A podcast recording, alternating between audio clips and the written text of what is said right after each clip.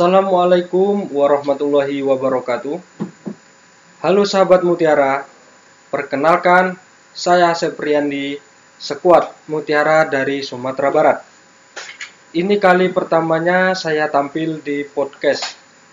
Nanti saya mengulas tentang tanaman jagung pipil yang potensinya bagus di wilayah saya yaitu di Pasaman Barat.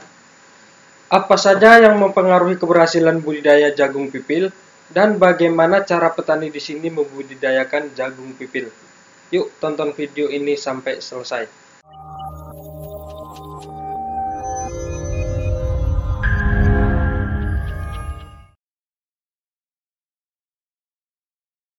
Halo, selamat datang di channel YouTube kami, NPK Mutiara TV. Di channel ini, Anda akan mendapatkan informasi dan edukasi seputar pertanian, khususnya nutrisi tanaman. Tonton video-video kami, jangan lupa like video kami, subscribe, dan pentung tanda loncengnya untuk terus mendapat update dari kami.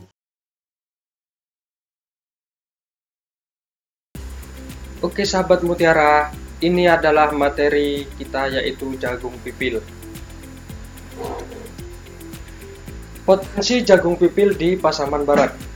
Luas pertanian jagung di Pasaman Barat yaitu 42,386 hektar dengan hasil produksi adalah 290,334 ton dan hampir 70% jagung yang ada di Sumatera Barat berasal dari Kabupaten Pasaman Barat. Lahan untuk pertanian jagung bagi masyarakat Pasaman Barat sebagian tidak disediakan secara khusus. Masyarakat menanam jagung dengan diselingi tanaman lain seperti kelapa sawit dan tanaman palawija lainnya. Berdasarkan data dari antar sumber news, diperoleh informasi bahwa pemerintah melakukan Sekolah Lapangan Teknologi Terpadu atau SLPTT kepada 40 kelompok tani yang mewakili setidaknya 1000 hektar lahan jagung. Tujuan kegiatan ini adalah untuk meningkatkan mutu petani jagung dalam pengelolaan pertanian, mulai dari pemilihan bibit, pemupukan, sampai pemanenan. Potensi jagung pipil di Indonesia, total produksi dari luas panen yang sudah dicapai adalah sekitar 40 juta ton per tahun, melampaui total kebutuhan dalam negeri. Dan potensi jagung di Indonesia Sumatera Barat adalah peringkat ketiga. Adapun data produksi jagung di Sumatera Barat tersebar di sejumlah daerah, di antaranya yang pertama ada di Kabupaten Pasaman Barat, selanjutnya ada di Agam, yang ketiga ada di Pasaman Barat, yang keempat ada di 50 kota, kelima Solo Selatan, 6 Damas Raya, dan 7 Kabupaten Pesisir Selatan. Sementara daerah lainnya hanya memiliki luas lahan jagung yang tergolong sedikit. Pemanfaatan jagung pipil dalam kebutuhan ekonomi.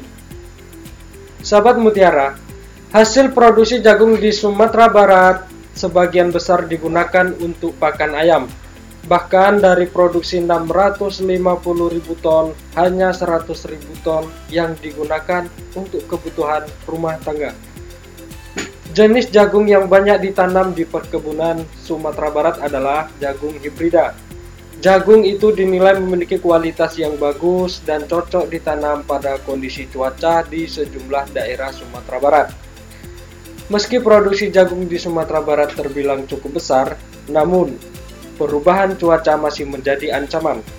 Jagung akan berjamur bila cuaca sering hujan. Jika hal itu terjadi, harga jual jagung pun akan turun. Sahabat Mutiara, ini ada konsep terpadu pertanian. Yang pertama adalah penggunaan varietas unggul yang potensial. Yang kedua, benih bermutu dan berlabel. Yang ketiga, jumlah tanaman atau populasi per hektar. Nah, untuk jarak tanam yang dianjurkan adalah 70 cm x 20 cm atau satu biji per lubang. Dan yang kedua dengan jarak tanam 70 cm kali 40 cm atau dua biji per lubang. Benih yang mempunyai daya tumbuh yaitu lebih kurang 95% dapat memenuhi populasi 66.000 sampai 75.000 tanaman per hektar. Yang yang keempat adalah pemupukan. Selanjutnya, syarat tumbuh jagung pipil. Sahabat mutiara, tanaman jagung dapat dibudidayakan di dataran rendah maupun dataran tinggi, pada lahan sawah atau tegalan. Suhu optimal antara 21 sampai 34 derajat Celcius. Dan pH tanah antara 5,6 sampai 7,5 dengan ketinggian antara 1000 sampai 1800 meter dalam permukaan laut. Dengan ketinggian optimum antara 50 sampai 600 meter dalam permukaan laut. Selanjutnya yaitu faktor penting berbudidaya jagung pipil. Yang pertama, pengolahan tanah. Pengolahan tanah itu untuk memperbaiki struktur tanah, memperbaiki aliran udara di dalam tanah, membunuh organisme pengganggu tanaman atau OPT untuk menghambat tumbuhnya gulma, melancarkan drainase atau pembuangan air. Yang selanjutnya, tanah. pH minimal 5,5 tambah kapur jika diperlukan. Sebaiknya tanah gembur atau membantu perkembangan akar. Mengandung hara yang cukup untuk perkembangan tanaman, selanjutnya tidak tergenang dan tidak ternaungi. Selanjutnya ada iklim. Sahabat mutiara, tanaman jagung dapat tumbuh baik pada daerah yang memiliki iklim sedang maupun subtropis atau tropis. Jagung dapat tumbuh di daerah yang terletak antara 0 sampai 5 derajat lintang utara hingga 0 sampai 40 derajat lintang selatan. Tingkat curah hujan yang ideal untuk tanaman ini adalah 85 sampai 200. Dengan sebaran hujan secara merata, keadaan tersebut sangat berhubungan dalam fase pembungaan dan pengisian biji tanaman jagung yang membutuhkan kecukupan air. Selanjutnya, untuk mendapatkan hasil optimal, sebaiknya proses menanam jagung di awal musim, di awal musim hujan, atau di akhir musim kemarau. Selanjutnya adalah faktor penting berbudidaya jagung pipil. Yang ketiga adalah penanaman.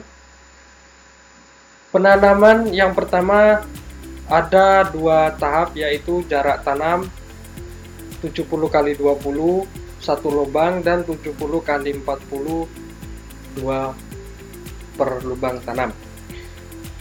Selanjutnya kedalaman kedalaman tanam 2 sampai 3 cm tutup dengan tanah gembur. Dan gunakan tali untuk memastikan jarak tanam benar dan rapi. Faktor penting berbudaya jagung selanjutnya yaitu adalah drainase atau pengairan. Air dalam air dalam jumlah yang cukup sangat diperlukan pada saat yang pertama adalah penanaman, yang kedua adalah pembungaan di umur 50 sampai 50 hari setelah tanam dan yang ketiga pengisian biji di umur 70 sampai 80 hari setelah tanam dan yang keempat adalah hindarkan genangan air pada areal pertanaman. Sahabat mutiara, manfaat unsur hara NPK pada jagung pipil. Yang pertama, nitrogen berperan penting dalam pembentukan hijau daun yang sangat berguna dalam proses fotosintesis. Yang kedua adalah fosfat bagi tanaman berguna untuk merangsang pertumbuhan akar, khususnya akar benih dan tanaman muda. Yang ketiga ada kalium, yaitu kalium berperan dalam memperkuat tubuh tanaman agar daun, bunga, dan buah tidak mudah gugur. Yang tidak bisa dilupakan ialah kalium pun merupakan sumber kekuatan bagi tanaman dalam menghadapi kekeringan dan penyakit. Keunggulan NPK Mutiara Profesional menyediakan kombinasi terbaik untuk memberikan hasil dan pendapatan yang tinggi. Tersedia hanya dari NPK Mutiara Profesional dengan portofolio pupuk yang lengkap dan program terbaik untuk tanaman buah, bunga, sayuran, tanaman pangan, dan palawija serta tanaman perkebunan. Tanaman tumbuh dengan sehat dan memaksimalkan produktivitas jangka panjang. Hasil meningkat dengan meningkatnya jumlah dan juga ukuran buah dan umbi. Selanjutnya, meningkatkan kualitas, rasa, warna, kesegaran, dan daya simpan buah. Untuk foliar atau daun, yaitu di umur 10, 15, dan 20 hari setelah tanam. Sahabat Mutiara bisa menggunakan yaitu Merauke Max dengan dosis 2 sampai 5 gram per liter air dan Profit Maxi 2 sampai 5 gram per liter air. Sahabat Mutiara, inilah media sosial kami. Tonton video YouTube kami NPK Mutiara TV, gabung di grup Telegram kami komunitas NPK Mutiara baca-baca artikel kami tentang pertanian dan pemupukan di npkmutiara.com.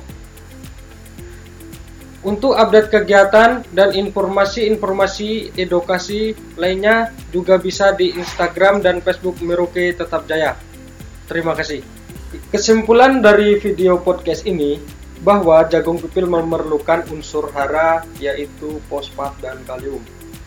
Fosfat yaitu untuk mempercepat perakaran khususnya akar benih dan tanaman muda.